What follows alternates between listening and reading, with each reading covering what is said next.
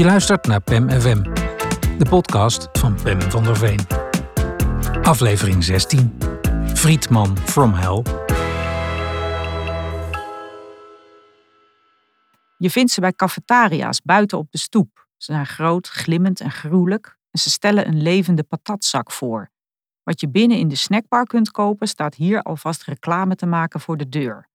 Een mensachtige frietzak met benen en voeten waaraan rare, veel te bolle bruine schoenen met griezelig gele veters. Deze portie patat draagt sokken, heeft armen en handen en is zelfs toegerust met een gezicht. Een zogenaamd olijke toet, maar eigenlijk een horrorsnoet met lijpe ogen, waarvan er één psychotisch wegdraait en de ander je aankijkt met een moordenaarsblik. Een blik waaruit alle reden is verdwenen, die elke nachtmerrie overtreft. Maar dat is nog niet eens het ergste.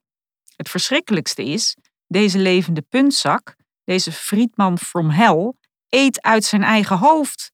Met zijn mini-armpje en mormelhandje trekt hij een patatje uit zijn schedel om die tussen zijn getuite lippen te steken.